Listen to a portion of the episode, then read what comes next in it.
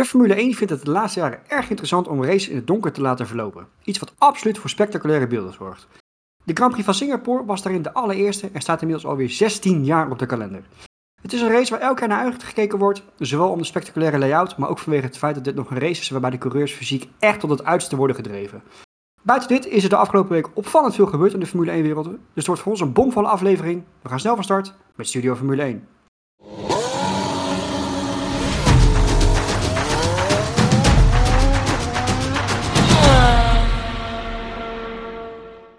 Bij weer een uh, nieuwe aflevering van, uh, van Studio Formule 1. Dit keer voor de YouTube-kijkers weer met beeld. Ik snap dat jullie onze prachtige gezichten hebben gemist uh, natuurlijk. Nee, zonder grappen. ik ben Roy, jullie host. ik zit weer met mijn, met mijn grote vrienden om de Grand Prix van Singapore te, voor te beschouwen. En doen we weer zoals van ouds weer eventjes een, een, een momentje eruit pikken wat uit de, nou, enigszins korte historie, maar is toch ook een redelijk lange historie van de Grand Prix van Singapore. Ik begin even bij Marco. Wat, wat is jou enigszins bijgebleven van de afgelopen jaren? Nou, je noemt het een hele korte historie van Singapore. En het is blijkbaar de eerste race in het donker. Gek genoeg heb ik heel weinig kennis van de historie van de Grand Prix van Singapore. Ik weet niet of dat aan mij ligt of dat dat meer aan de Grand Prix ligt. Maar het enige wat me eigenlijk nog bij ligt is de Grand Prix van vorig jaar. Die uh, vooral half natte Grand Prix, die volgens mij waar het echt niet droog wilde worden. Uh, waar van alles er nog wat gebeurde. Volgens mij Perez won zes, zeven uitvallers hebben gehad, uh, ligt me ook nog wat van bij. Dat, dat, dat, ja, die, die ligt me echt heel erg bij. Maar volgens mij er zullen vast, vast spectaculairdere races zijn geweest in de historie. Maar ja, daarvoor heb je ons. Komt van, komt daarvoor, daarvoor heb ik jullie. Ja, maar eh, om even een klein bruggetje alvast te slaan. Uh, en dan mogen jullie alvast beginnen met nadenken. Komend weekend wordt er wederom, zoals ongeveer het halve seizoen, ook regen voorspeld. Met name op zaterdag en zondag. Dus doe daar je ding mee. Verrassing. Nou, hoe, hoeveel regen wil je dit seizoen? Ja, weet je. Het, ja, uh, precies. Het, het, uh, nou, goed. Chris. Ja, ja wat mij uh, bijgebleven is, is wel volgens mij van een aantal jaren geleden. En dat is namelijk de crash tussen de heren Verstappen, Raikkonen en Vettel. De, de mooie Ferrari oh. sandwich bij de start. Wat ja, niet heel uh, fraai afliep. Uh, en waar ze volgens mij uiteindelijk allemaal elkaar aanwezen als schuldigen. Dus dat uh, ging volgens mij uitstekend ja. daar. Ja, daar kon hij echt helemaal niks aan doen. Wat, wat ik dan nog, misschien nog wel het mooiste van vond, was dat, dat tijdens de race, dat Ferrari, daar gooide zo'n tweetje uit, als ik het me goed herinner. Van, want zij gaven inderdaad in, in hun tweet daarvoor aan van ja. dit was Verstappen schuldig, ja. noemen we dan erop. En daarna zo van, dit was een, een beschrijving van wat er gebeurd is, en geen discussie, weet je, zo. Ja, dat, dat, uh, dat was niet heel chic, maar goed, dat, uh, het zei zo. Maar die, uh, die was zeker wel interessant. Um, Thomas? Ja, nee, het, het verhaal in Singapore is voor mij nog steeds de crashgate van 2008. Ja, hoorde de laatste tijd ook nog steeds wat van. Felipe Massa die zegt nog steeds van hè, die race had nooit verreden moeten worden, dus die punten moeten teruggedraaid worden. Maar het scenario was toen zo dat team van die liet Piquet, de teamgenoot van Alonso destijds, bewust crashen. Want in die tijd was het zo in 2008 dat je tijdens de safety car mocht je niet de pits in. Dus Alonso was net gestopt. Piquet crashte. Ja, Alonso had zijn stop al gemaakt. En de rest nog niet. En die konden niet naar binnen tijdens de safety car. Dus Alonso schoof zo door naar plek 1. Won die race. Maar later bleek wel dat uh, Piquet was gecrashed onder druk van uh, ja, de teambaas uh, Flavio Briatore. Die hadden gewoon een heel plan opgesteld. En dat was toen echt wel, ja, wel een groot schandaal. Dat bleek later wel. Tja, belachelijk. Dat kwam eigenlijk volgens mij pas aan het licht nadat Piquet was ontslagen, toch daar zo?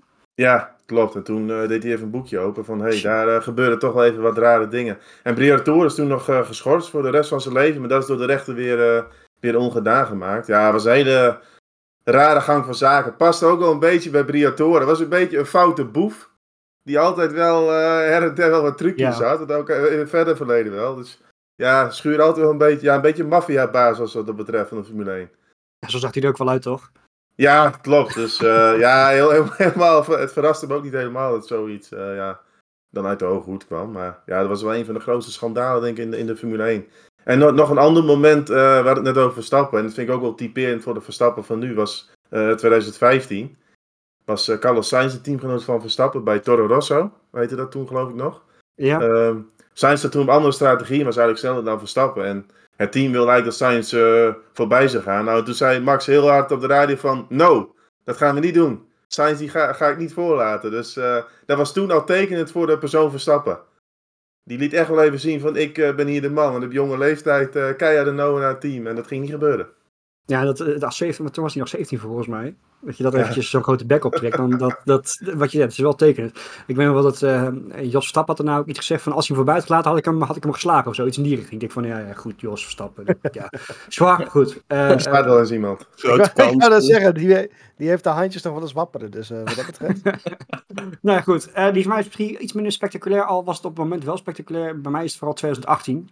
de polronde van Lewis Hamilton. Die, ze stonden, Mercedes was toen echt on the back foot, zoals ze dat in Engeland zo mooi zeggen. Ferrari CQ Vettel was toen echt vele malen sneller.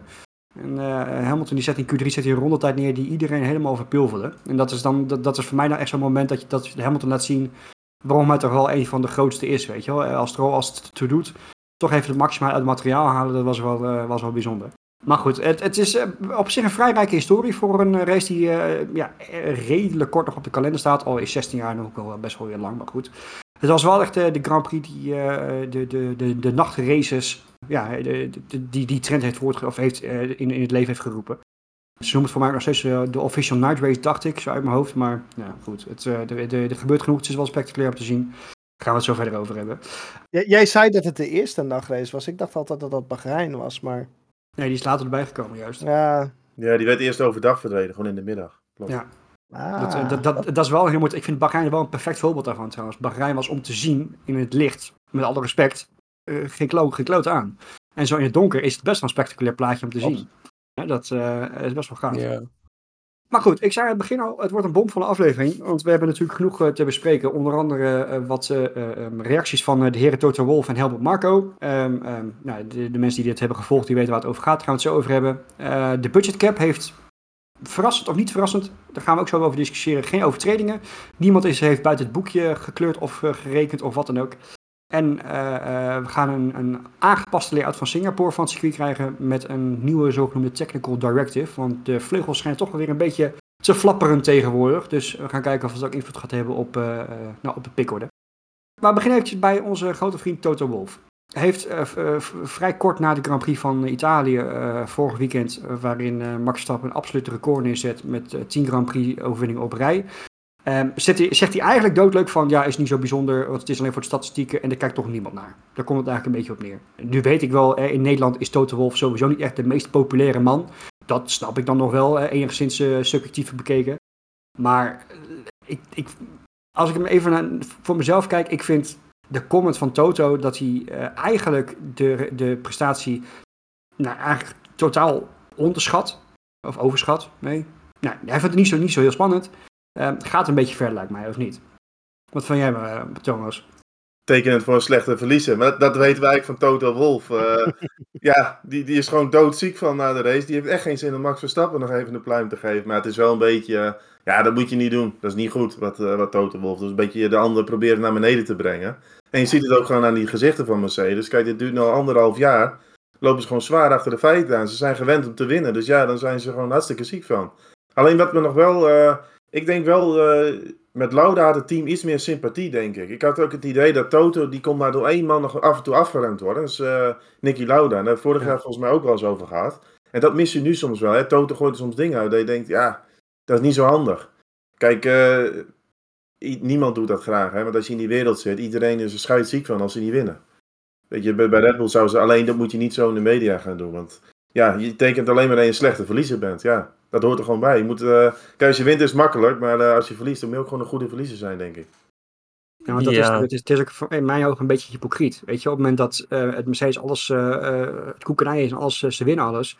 Als, nee, als Hamilton 10 op rij wint, dan was het de beste coureur ooit. En dat was helemaal fantastisch, ook hadden ze een auto die drie seconden harder per, per ronde rijdt. Weet ja. je, en nu, ja, het, het is, ik zeggen, hypocriet, maar goed. Het, uh... Ja, bij de honderdste overwinning ging Toto Wolf helemaal uit zijn dak en zei: Ja, wat geweldig, honderdste over. Ja, is ook alleen maar van Wikipedia, want uh, dat, dat uh, maakt ook niemand wat uit in principe. Nee. Maar denk, wat vond ik trouwens wel leuk, want die uitspraak was eigenlijk nadat wij die uitzending al hadden opgenomen. En later in de week, daar moest ik een beetje aan denken, was de Nederlandse bondscoach van, van het Nederlands elftal. die kwam met een soortgelijke uitspraak van dat het WK voetbal was eigenlijk een beetje doorgestoken kaart in uh, Argentinië. Ja, die werd, werd voorgetrokken. Moest ik een beetje aan Tote Wolf denken. Ik denk, en ik vind het ook wel een beetje dezelfde types. voor de mensen die het voetbal niet volgen, Louis van Gaal is ook een beetje, ja, een type, een beetje narcistisch komt hij wel over. En dat bij Toto soms ook wel. Dus ik vond het ook wel, ja, twee vergelijkbare types wel eigenlijk. Ik, vind het wel interessant wat, eh, wat, wat onze grote vriend Toto aan het roepen is. En, en nou ja, speciaal voor hem heb ik de Wikipedia-pagina van eh, lijst van Formule 1 records er maar eens even bijgepakt. Dat is echt een gigantische, echt een gigantische Wikipedia-pagina trouwens. Ik ga, ik ga jullie alles besparen, maar ik ga een aantal dingen toch even opnoemen. Misschien vinden jullie dit wel interessant. Ehm, wi- wisten jullie dat de oudste coureur ooit bij de stad van een, van een race Louis Chiron was? Ja. Met eh 55 jaar. Ja, Weet je. Dat is het toevallig wel, ja. En ehm, ik zal even kijken. De meeste overwinningen in een eerste seizoen van een coureur. Dat zijn er twee. Enig idee wie dit zullen zijn? Hamilton en Vettel? Hamilton Villeneuve? Hamilton en Villeneuve inderdaad. Oh. Ja. En ehm, wie, wie zou de meeste races hebben gereden zonder overwinning? Hint, het is niet de man, nog niet de man die op dit moment op eh, de grid nog rijdt. Jarno Trulli. Nee, niet Jarno Trulli, heeft wel gewonnen, toch? die was wel onder. Ik, Ja, had, dat Groening heeft nog een overwinning. ik had Hulkenberg eh, verwacht, eerlijk gezegd. Ja, maar dat Nee, nog niet. Dus Hulkenberg is. Nee, die is derde trouwens. Ah. Hulkenberg is eh, in dat lijstje tweede. Hulkenberg is denk ik is daarmee wel de rijder met de meeste races zonder podium. Andrea de Chester is? Yes, dat is hem. Want die heeft als beste resultaat nog een keer een tweede plek neergezet met 208 starts. Hulkenberg, eh, naar verwachting als eh, het team van Haas geen podium meer gaat pakken of überhaupt geen overwinning gaat pakken in de komende, nou ja, zoveel eh, komende 13 races moet het zijn. Nou, Dan eh, zal Nou. Hulkenberg de Cesaris eh inderdaad gaan inhalen. nou daar, staat, daar staat ook bovenaan op Wikipedia. Ja, ik Super. wou het zeggen, ja. Speciaal voor Toto. Nee, maar- We zullen Toto dan nog eens even een keertje gaan vragen. Maar Oh, heerlijk. alle gekheid op een stokje natuurlijk. Want ja. eh, eh, eh, wat Thomas zegt, het is natuurlijk wel heel tekenend van een, van een hele slechte verliezer. Het, het grappige is, toen ik het las, dacht ik me wel van er zit ergens wel een kern van waarheid in. Op het moment dat zo'n record dichtbij komt, dan gaan we het erover hebben. Is het een record gereden? Vlak daarna heb je het er ook amper nog over. Dus er zijn weinig records die over de lange termijn, waar je dan nog over spreekt, behalve, nou ja, misschien die overwinningrace van Verstappen of de hoeveel, eh, totale aantal wereldkampioenschappen van Schumacher en, eh, en Hamilton op dit moment natuurlijk. Nou, dat weet ik niet. Want als je, denk bijvoorbeeld eens terug aan Vettel. Weet je, als je het hebt over Vettel zijn carrière. En natuurlijk Mhm. is het wel pas richting het einde van zijn carrière. Maar ook dan her- her- denk je wel terug aan 2013 dat hij die negen op rij wint. Weet je, het zijn wel van die dingen die wel bij een persoon horen. maar Ja, nee, nee, dat ben ik ja, en in die zin komt het ook wel terug. Maar aan de andere kant, ja, het zijn ook maar gewoon getallen. Ja, ik, ik Ja. vergeet het heel snel. Ik kijk echt al behoorlijk wat jaren Formule 1. Ik denk wel 20 jaar inmiddels, misschien wel langer. Maar ja, dat soort records heb ik nooit echt weet van. Eh aantal wereldtitels altijd wel, maar dat soort reeksen en eh, weet ik wat allemaal van getallen, nee. Daar heb ik zelf ook niet echt weet van. Ergens snap ik dat van Toto ook. Alleen ja, weet je, als concurrent eh, is dat gewoon onnodig uitspraak natuurlijk. Ja, oké. Zit wat in. Nou goed, Schwa, Toto, denk in ieder geval een beetje om je woorden. En inderdaad, ik, ik vind het wel een heel goed punt wat je aanhaakt, Thomas, over Nicky Lauda. Want ik denk dat die man meer betekent in je team dan je misschien van buitenaf zou denken. Dat- Ja, dat- toen, toen Max Verstappen ooit zijn eerste race won, stond Nicky Lauda gelijk van, heb dit is een petje af van dik respect. Weet je, die Ja. had dat dan wel. En toen in Brazilië die fantastische regenrace was Nicky Lauda gelijk echt de complimenten en alles. Toto zal het gewoon niet snel doen. Die kijkt daar toch anders naar. Door een Toto-bril. Ja, ja, nee, zit wat in. Ehm, goed, over niet zulke tactische uitspraken gesproken. Eh, Hel Helmoet Marco, ook eh, vriend van de show, eh, is ook zo'n zo'n sympathieke man. Had van de week ook wat uitspraken over Sergio Perez. En heeft Sergio Perez natuurlijk niet echt het meest stabiele seizoen wat je, wat je maar kan bedenken. Maar het had vooral te maken, volgens Helmut Marco, met zijn Zuid-Amerikaanse temperament. Terwijl Mexico niet in Zuid-Amerika ligt. Dus dat was ook heel intelligent. Maar dat is toch ook ongegrond. Dat, dat, dat, dat, sorry, dat, dat, dat, dat slaat toch nergens op, of wel? Ja, ik, ik vind het persoonlijk wel ergens op slaan. Ik snapte die uitspraak wel. Alleen eh, tegenwoordig leven we in een tijd, dan zijn dat soort uitspraken, hè, die worden gelijk onder vergrootglas gelegd, want dat kan allemaal niet. Maar als je een beetje de mensheid kent, we weten wel dat types uit dat soort landen vaak hè, wat, wat opvliegeriger zijn, wat hoger, wat meer temperament eh, en alles hebben. Ja, daar zit Dat, denk ik dat ook is waar, maar dat, dat heeft toch niks te maken met je talent, met jouw snelheid op de baan.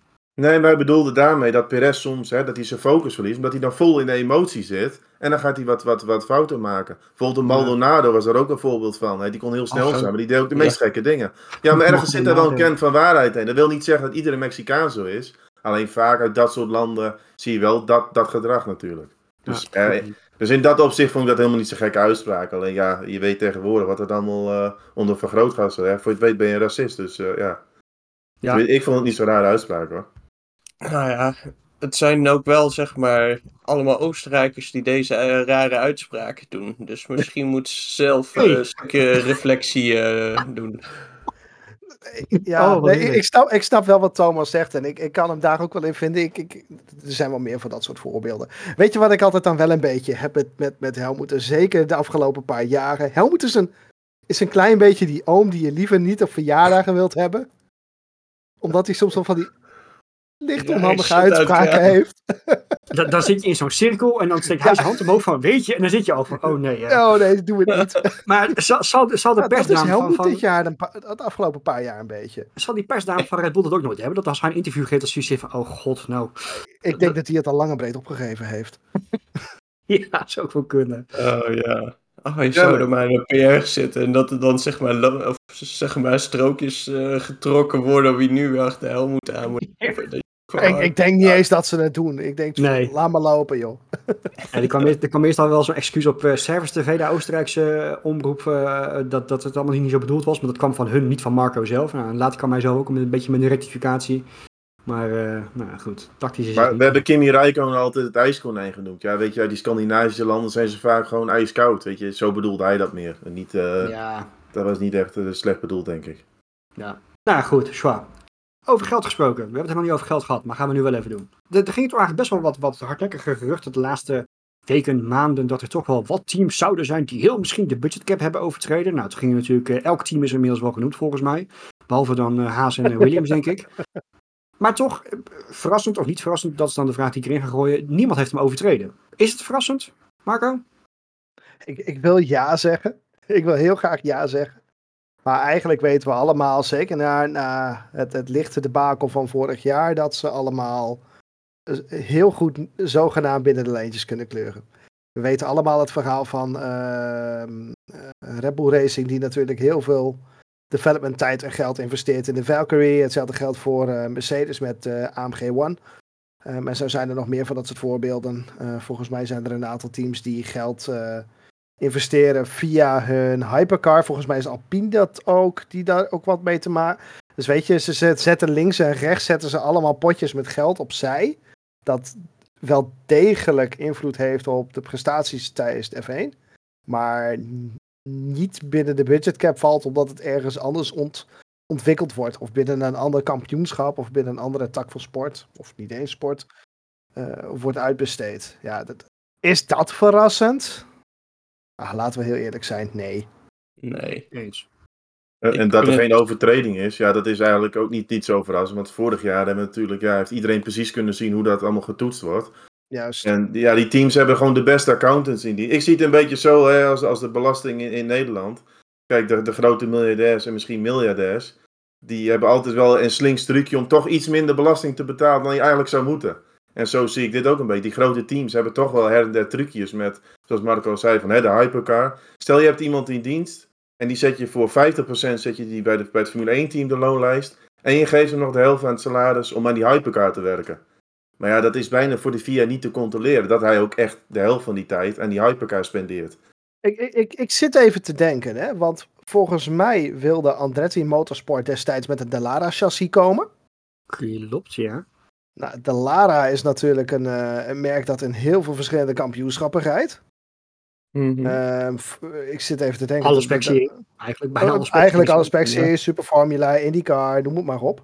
Is, is dat een reden waarom ze Andretti niet binnen willen hebben? Nou, Omdat daar heel dat- veel geld uit te besteden valt via, via, via? Natuurlijk, dat is toch een uurtje factuurtje in principe. ja, dan besteed je hele ontwikkeling ja. uit daar.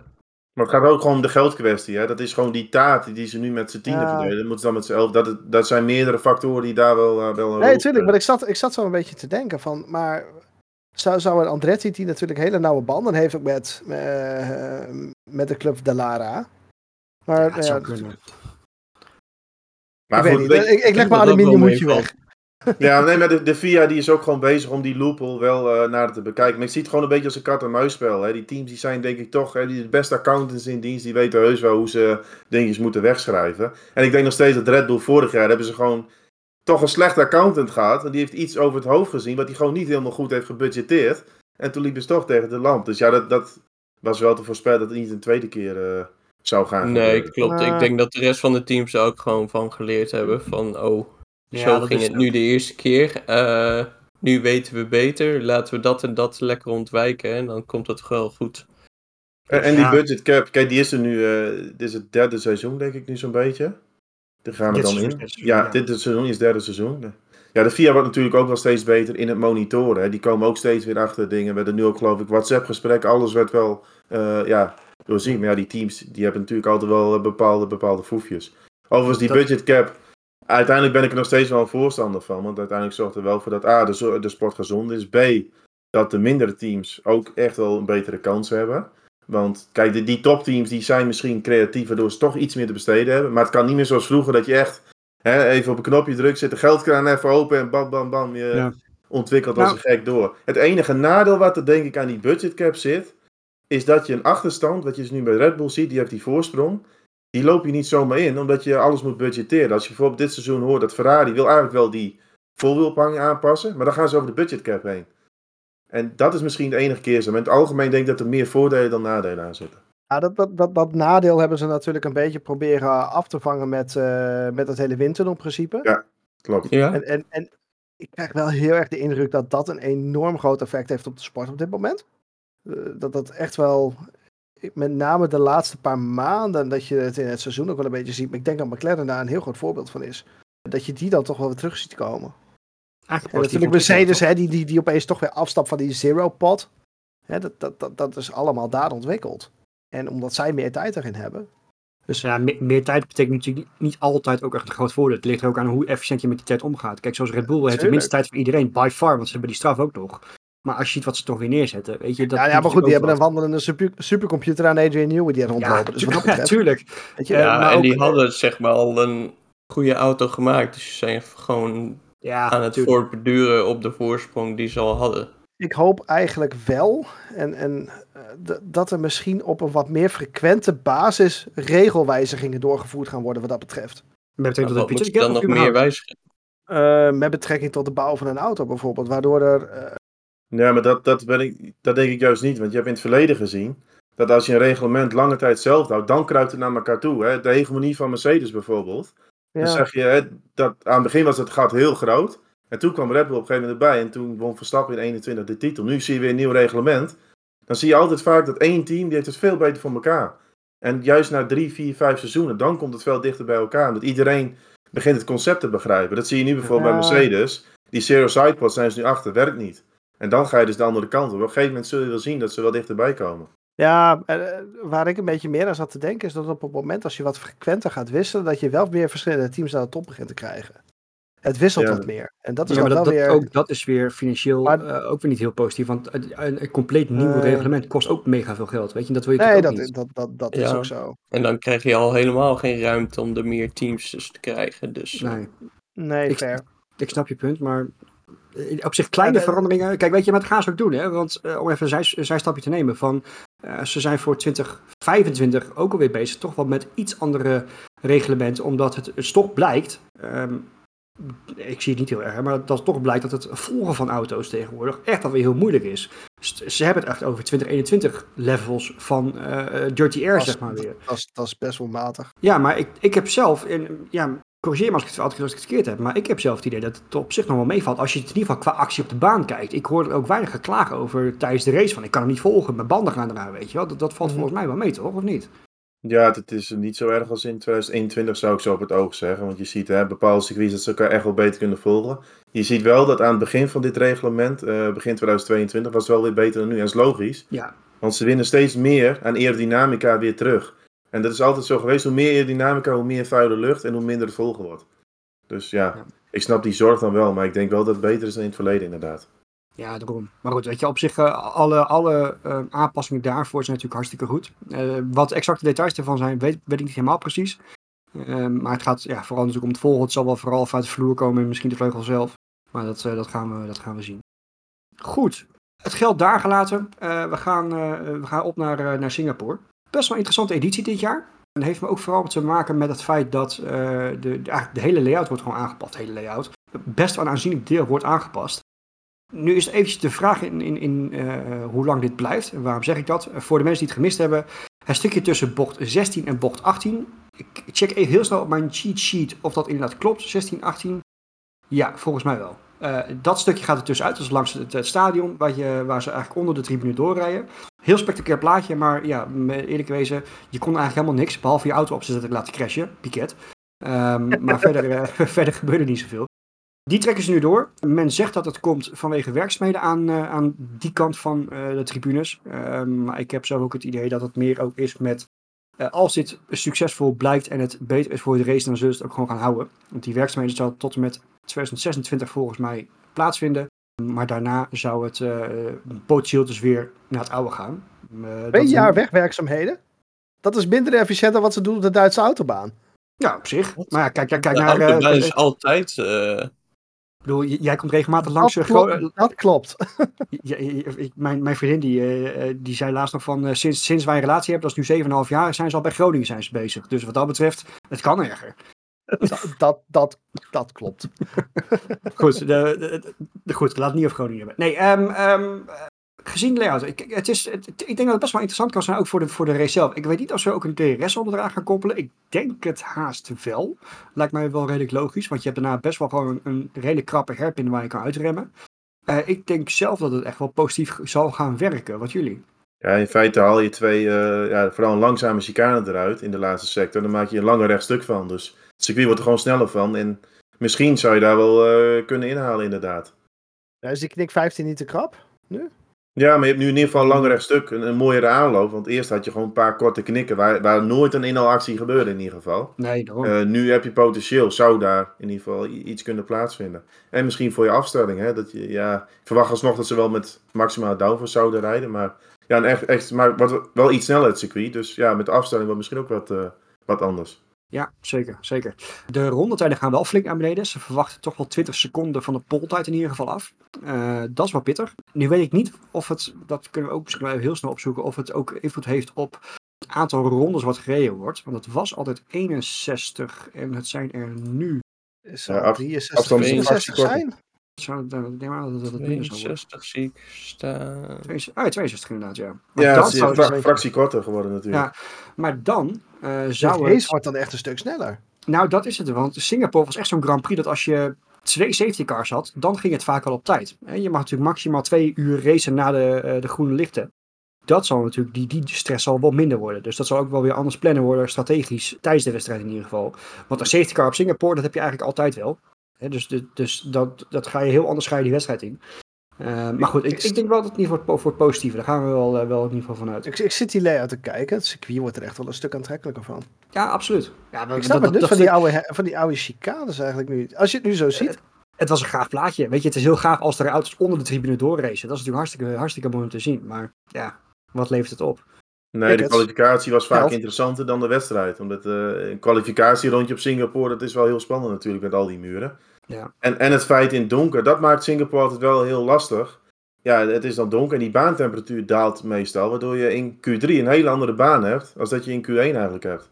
Ja. En dat, dat maakt het altijd wel, eh, wel interessant. Dus ja, die kwalificatie blijkt nog steeds wel belangrijk. Het is niet ineens een circuit waar je heel makkelijk kunt gaan inhalen, verwacht ik. Nee, tuurlijk, dat sowieso niet. Maar het is wel, het, het- ja, ik weet niet. Het, het is, vast, voor de straatraces die we hebben, is het wel een van de mooiere, ga ik, eh, ga ik vanuit.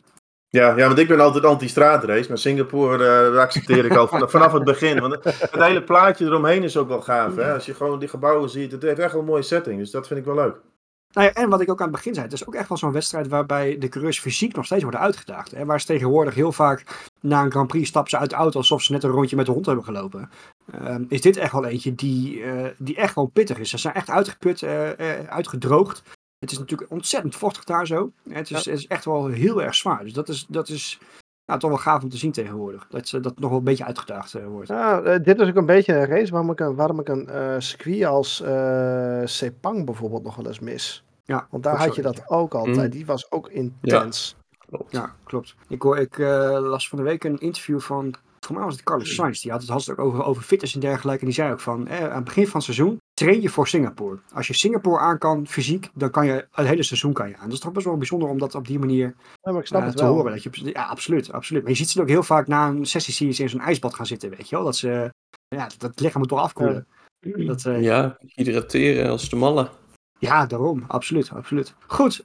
Ook op technisch vlak gaat er eh, wel iets veranderen. Ehm noemde ik ook aan het begin eventjes weer een, een, technical directive voor de, eh, voor de vleugels. Flexibele vleugels is echt al, sinds ik Formule 1 kijk volgens mij, is dat een discussiepunt. Maar nu schijnt er toch wel weer wat om te doen te zijn. Ehm, Thomas, je bent een beetje ons technische man. Kun jij misschien wat verder eh, proberen uit te lichten wat er nou aan de hand is? Ja, nou, zoals gezegd, het gaat een beetje om de, de, de vleugels en ook de andere aerodynamische onderdelen in de auto, zoals de vloer, die, ja, die buigen toch wel wat door bij, eh, her en der bij teams. Dat heeft de VIA kunnen monitoren. En nu voor dit weekend in Singapore ja, is technical directive uitgevaren, waardoor ze dat toch wat strenger gaan controleren. Want ze hebben natuurlijk die tests altijd. Alleen ja, wat gebeurt er dan? Eh, bepaalde snelheid, zie je vleugels, hè, er zijn ook wel beelden van, hè, van de Mercedes, van de Red Bull. Dan zie je vleugels gewoon alle kanten op buigen. Hè. Dan, komen, ja, dan heb je gewoon meer neerwaartse druk. En wat het wel interessant maakt, is ja, weet je, al die teams die roepen van, hè, eh, ja, we maken ons geen zorgen, zus en zo. Maar ja, de aerodynamica aan je auto, dat kan best wel grote invloed hebben. Want bijvoorbeeld Haas heeft al toegegeven van, hè, we moeten de achtervleugel wat gaan verstevigen. Williams heeft het over de vloer, waar ze misschien een kleine aanpassing moeten doen. En zo her en der, ja, lees je dus al dat teams best wel aanpassing moeten gaan doen. Ja, dat kan echt wel invloed hebben. Kijk, vorig jaar hebben we een beetje hetzelfde gehad, eh, omtrent de vloer. En toen riepen ook alle teams van, ja, Weet je, wij hebben er geen last van. Nou, later bleek wel hè, dat, dat Ferrari na de Grand Prix van Spa, toen de technical directive werd uitgevaardigd, totaal niet meer competitief was als voorheen. Nee, Dus dat had invloed. Dus ook nu Mhm. verwacht ik echt wel, eh, ja. En wa- waar ook nog over gesproken was, dat Aston Martin, tenminste dat is echt een hardnekkig, hardnekkig gerucht in de, in, de, in de paddock, dat Aston Martin al een enkele race geleden een aanpassing aan de voorvleugel heeft moeten doen. Nou, hebben we allemaal gezien. Canada was Aston Martin nog sterk, de races daarna echt niet meer. Dus Nee, als dat inderdaad de reden was, dan zie je al bij een team als Aston Martin wat voor effect dat heeft gehad. Echt? Ja. Maar ik ben nou wel benieuwd, want is het alleen de, de... Zijn het alle vleugels? Want dat zou dan ook inhouden dat Alpine ook eens een keer zijn eh, achtervleugel vast moet schroeven. Die eh Ja, nou, maar, dat alle zijn, kanten op. eh. ja, maar dat zijn dus inderdaad dingen die de VIA echt wel gezien heeft. Hè. Van die vleugel, die gaat alle kanten op. En, maar ook een voorvleugel van een Red Bull of van een Mercedes. Als je, als je bepaalde camerastandpunten ziet, dan zie je gewoon, ja, dat gaat gewoon alle kanten op. Dus ja, het is nu nog heel lastig om te zeggen. Je- Wij weten gewoon niet eh, wat de teams moeten aanpassen. Maar goed, ja, het is wel, eh, er zijn, kunnen best teams zijn die in één keer toch een te- tikje terug moeten doen in performance. Dat zou me niet verbazen. Ja, maar dan, ik vind het wel apart dat jij dus specifiek bijvoorbeeld Haas en Williams noemt. Terwijl het toch vaak de, de topteams zijn die daar dan het meeste profijt van hebben, zou je zeggen.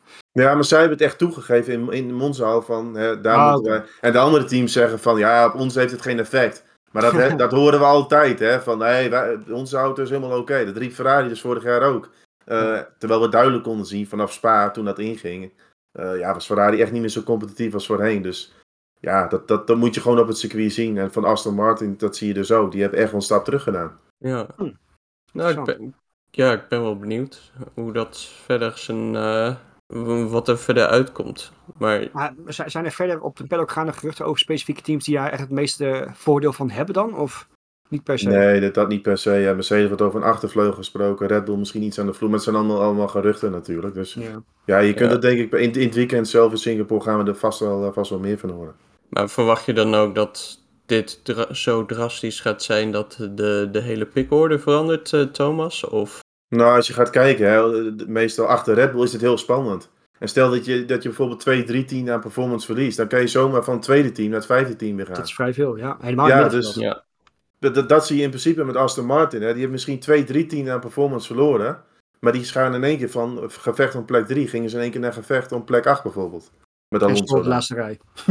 Ja, ja Stroll eh, die gaat dan de laatste rij toe. Maar Alonso die ging dan in één keer naar plek 8 natuurlijk. Dus ja, Ja. Het, is wel, het is wel interessant.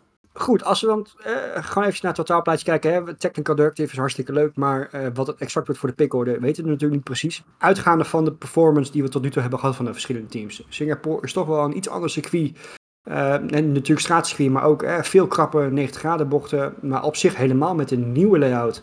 Veel hoge snelheidsstukken. Eh, in ieder geval twee echt, echt lange rechte stukken hebben we. Verwachten we iets aan verandering ten opzichte van bijvoorbeeld een, een Monza? Want dat was in zekere zin, nou, vergelijkbaar is een groot woord, maar ook lange rechte stukken, krappe bochten, et cetera, et cetera. Ja, maar je rijdt natuurlijk met totaal ander downforce pakket. Je rijdt op Singapore met, met maximale downforce en eh Monza natuurlijk met echt die kleine vleugeltjes. Dus wat dat betreft krijg je wel een ander verhaal. Eh, Re- Red Bull heeft wel aangegeven dat dit eigenlijk de race is. Dat ze denken dat het nog het lastigste kan worden van de resterende wedstrijden die op de kalender staan. En dat heeft Waarom baseren ze dat precies? Nou, dat heeft meerdere factoren. We hebben dit jaar gezien. De Red Bull heeft eigenlijk bijna geen zwakke punten. Maar als er één, één zwak punt misschien wel is, dan is het dat. Ja, over hoge curbs rijden is, is de auto ja, nog steeds wel goed. Maar niet heel veel beter dan de rest. En ook eh, het circuit is ook vrij hobbelig. Eh, dat maakt het lastig. Plus het feit, in Singapore is de, is de kwalificatie is gewoon belangrijk.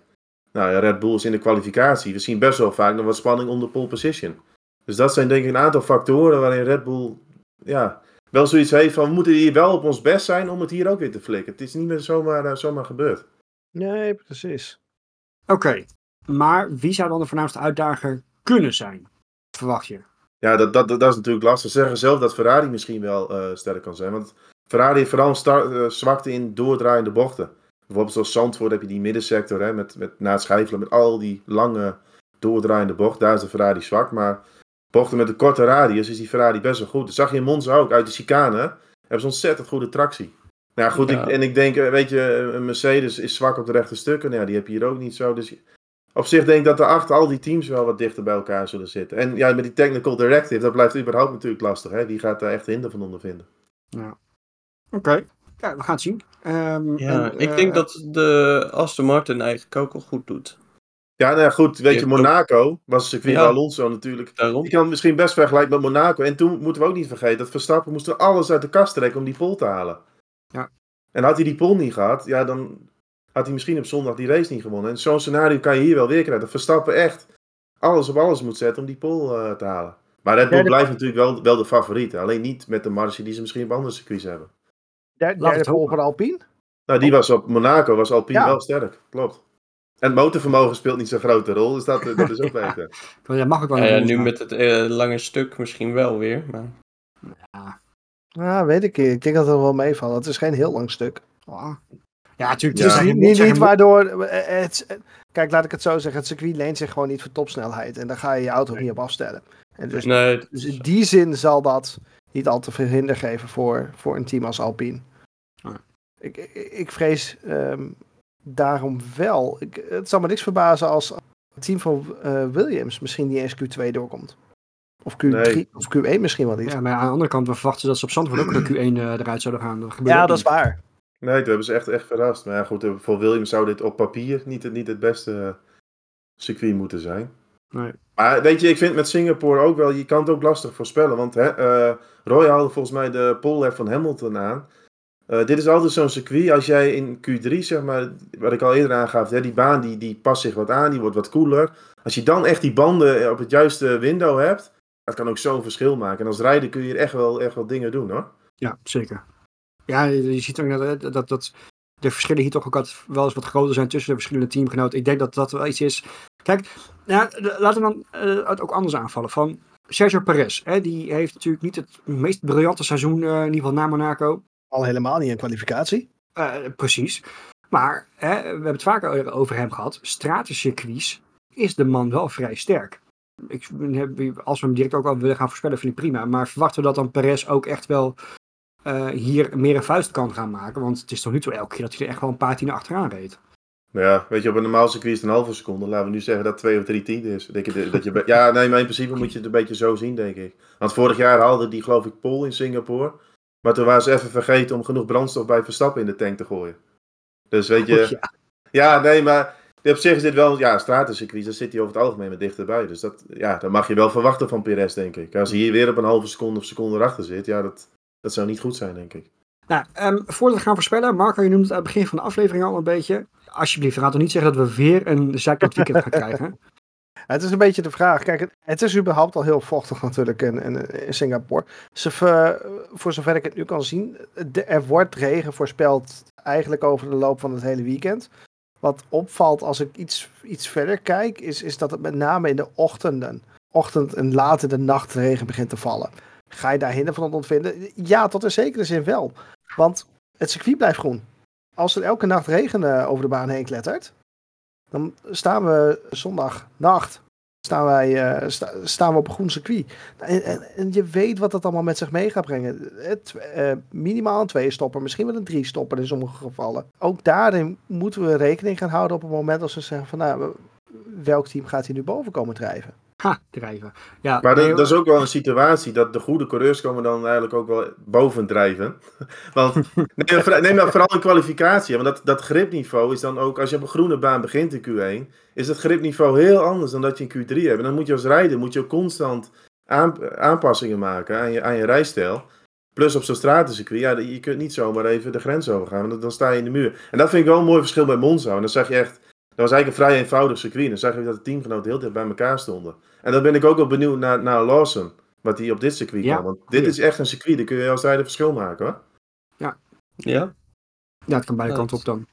Maar, eh, en wat ook nog natuurlijk wel meetelt, eh, wat jij ook aan het begin zei, Marco, van stel dat we bijvoorbeeld in de situatie zitten dat het eh, zeg maar, einde van de middag eh, go- goed regent.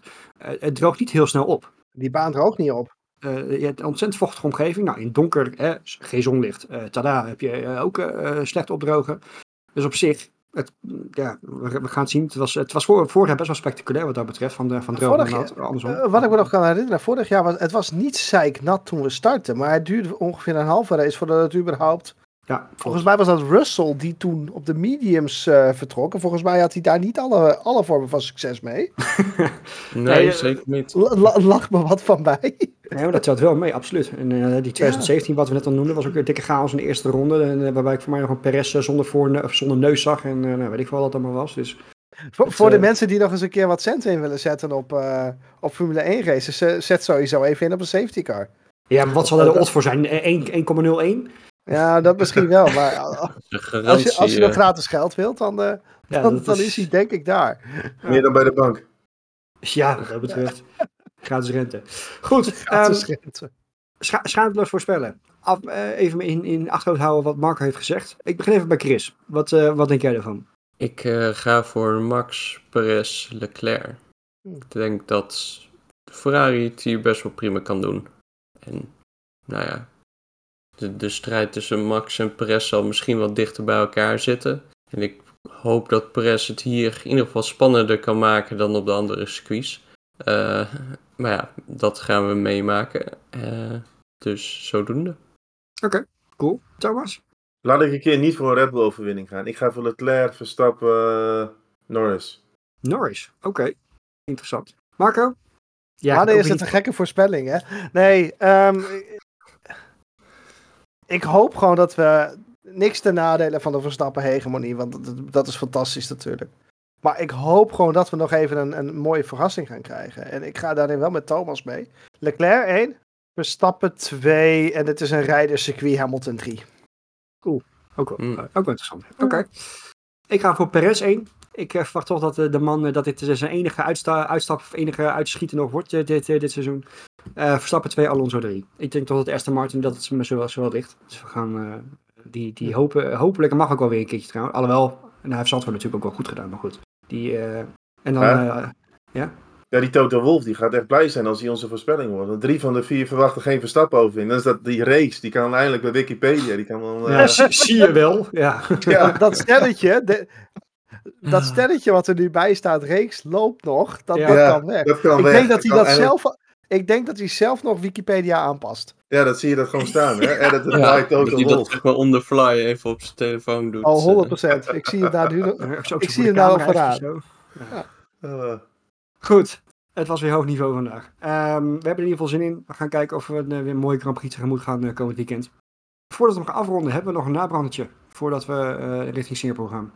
Ja, jullie noemen mij altijd een nabranderspecialist. Ja. Dus ik, ik heb nog heel, heel kort nabrandje. We hebben wel eens over, over de Formule 1 kalender. En eh, Frankrijk zou graag terug willen komen. Afgelopen weekend ben ik even op Ma- Magny-Cours geweest. Ik zou zeggen Magny-Cours weer terug eh, op de Formule 1 kalender. mooie faciliteiten, leuk circuit. En ook in de Formule 1 tijd vond ik dat best wel, ja, wel, een aardig circuit. Beter dan, eh, dan Paul Ricard, als je mij vraagt. Een, een hele grote klacht toen de tijd was altijd de bereikbaarheid. Hoe was dat nu? Nee, dat is een stuk beter. Want ik hoorde ook wat mensen die waren tien jaar geleden ook op mijn koer geweest. was toen een, een ramp met, eh, met de bereikbaarheid inderdaad. Nee, er zijn wat wegen aangelegd en parking was dik voor elkaar. Ik ben, ik ben wel meer circuits in, in Europa geweest, maar ja, faciliteiten waren hier echt wel prima. Je kon ook eh, prima wegkomen. Nice. Waarom niet? Oké. Dus ik denk voor Formule 1 dat in alle opzichten best wel een eh, waardig circuit kan zijn. Het is nu alleen grade 2, krap? of niet? Sorry, Chris. Ja, het lijkt me een veel te krap circuit eigenlijk voor Formule 1. Valt Ja, dat mee? bepaalde, bepaalde sectoren wel. Maar je hebt, je hebt echt een heel lang rechtstuk en dan met een mooie haarspeelbocht. Daar is het breed genoeg voor Formule 1 om daar een mooie wedstrijd eh, te hebben, denk ik. Hmm. Maar inderdaad, wat Marco zegt, het is nu wel grade 2 volgens mij. Dus hij kan nu niet meer met standaarden. Dus wat er eigenlijk kost moet worden, weet ik niet. Maar Ik ga eens kijken. Moet ik niet horen. Ja, dus ze zullen ook misschien met de veiligheid eh, her en der misschien een aanpassing moeten maken. Maar het is een circuit wat, wat naar mijn idee zo naar grade 1 eh ja. Ja, ik kijk nu even op Wikipedia. Sorry, Toto. Ehm, het is een grade 1 circuit, dus hij kan eh, Oh. in theorie gewoon terug. Echt? Ja. nice. ja, ik zou het wel gaaf vinden. Beter dan Paul Ricard in ieder geval. Dan zijn we daar Ja, daar vanaf, of, maar- of zo'n stratencircuit, daar zit ik ook niet echt op te wachten. Maar ik, ik denk, hè, dat gebied eh, brengt nou niet echt uit in financiële ja, sterkte. Dus, dus ik denk niet dat het heel snel terug op de kalender zal komen. Oké. Nou, het, het, eh, wordt vervolgd. Misschien, misschien niet. Geen idee. We gaan het eh, in ieder geval beter dan, dan een straatrace inderdaad. Of uh, circuit van eh, eh, Po- heet dat toch? Daar heb je ook altijd de, de Po Grand Prix heb je elk Ja. jaar. Ja, Nou, daar- daar kan je met Formule 3 al niet eens racen. Laat staan met Formule 1. Dus dat, eh dat wordt hem ook niet. Nog een nabrander, Thomas? Nee, nee, dit was de nabrander specialist eh, ditmaal. Mooi. Goed, dan gaan we ook afronden. Zijn we de volgende week zijn we er weer met een, eh, een terugblik op eh, hopelijk een spectaculaire Grand Prix van Singapore met eh, twee safety cars, drie safety cars. En drie stokken vind ik ook wel mooi wat Marco zei. Dus eh, ah joh, doe maar. Doe, doe ah joh, doe eens gek. En dan zometeen eh Les Stroll podium of zo. Ja, niet te gek, niet, niet te gek maken, Roy. Goed, we gaan hem afronden, anders wordt het echt helemaal gek. Ehm maar dank jullie wel eh, voor deze mooie aflevering. Kijkers weer bedankt voor het kijken. Luisteraars bedankt voor het luisteren. Op YouTube het standaard rieltje. Duimpje omhoog als je het leuk vond. Duimpje naar beneden als je hem niet leuk vond. Maar vertel even waarom. Abonneer eventjes op, eh, op, eh, op ons kanaal. En eh, voor de verschillende podcastkanalen volg ons alsjeblieft. Dat je ons op, de hoogte blijft van nieuwe afleveringen. Voor nu dank jullie wel. En we zien jullie graag na de Grand Prix van Singapore. Zien we jullie weer. Thomas, ga jij je boekenkast nog een keer opruimen of niet?